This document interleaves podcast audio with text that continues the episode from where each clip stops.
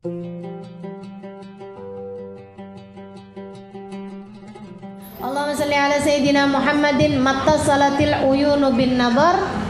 wa tazakhrafatil araduna bil matar wa hajja hajun wa wa labba wa halaqa wa nahar wa tafa bil baitil atiqi wa qabbala al hajar wa ala alihi wa sahbihi wa sallim.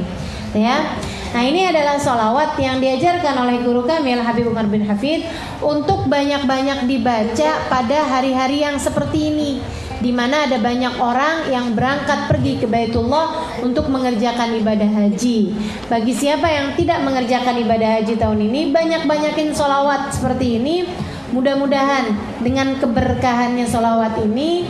Meskipun kita tidak sedang berada di sana, tapi kita terhitung selalu bersolawat sebanyak orang-orang yang sekarang sedang berada di sana. Ya Allah limpahkanlah solawatmu kepada Nabi Muhammad selagi mata bertemu dengan pandangan bersambung dengan pandangan selagi bumi berhias dengan hujan selagi berangkat orang-orang pergi haji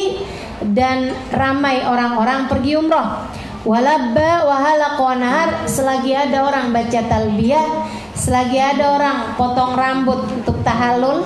baik haji ataupun umroh wanahar dan selagi ada orang yang potong kurban wa bil baitil atiq selagi ada orang yang tawaf di Ka'bah dan selagi ada orang yang mencium hajar aswad. Sebanyak bilangan itu semuanya ya Allah sampaikan salawat kami kepada Nabi Muhammad sallallahu alaihi wasallam wa ala alihi seperti itu banyak-banyakin baca sehingga mudah-mudahan pada bulan-bulan yang seperti ini kita semakin dekat dengan baginda kita Nabi besar Muhammad.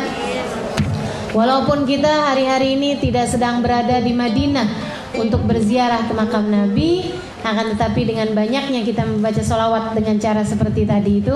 mudah-mudahan kita terhitung menjadi hamba-hamba umat yang dekat dengan nabinya Muhammad sallallahu alaihi wasallam. Insya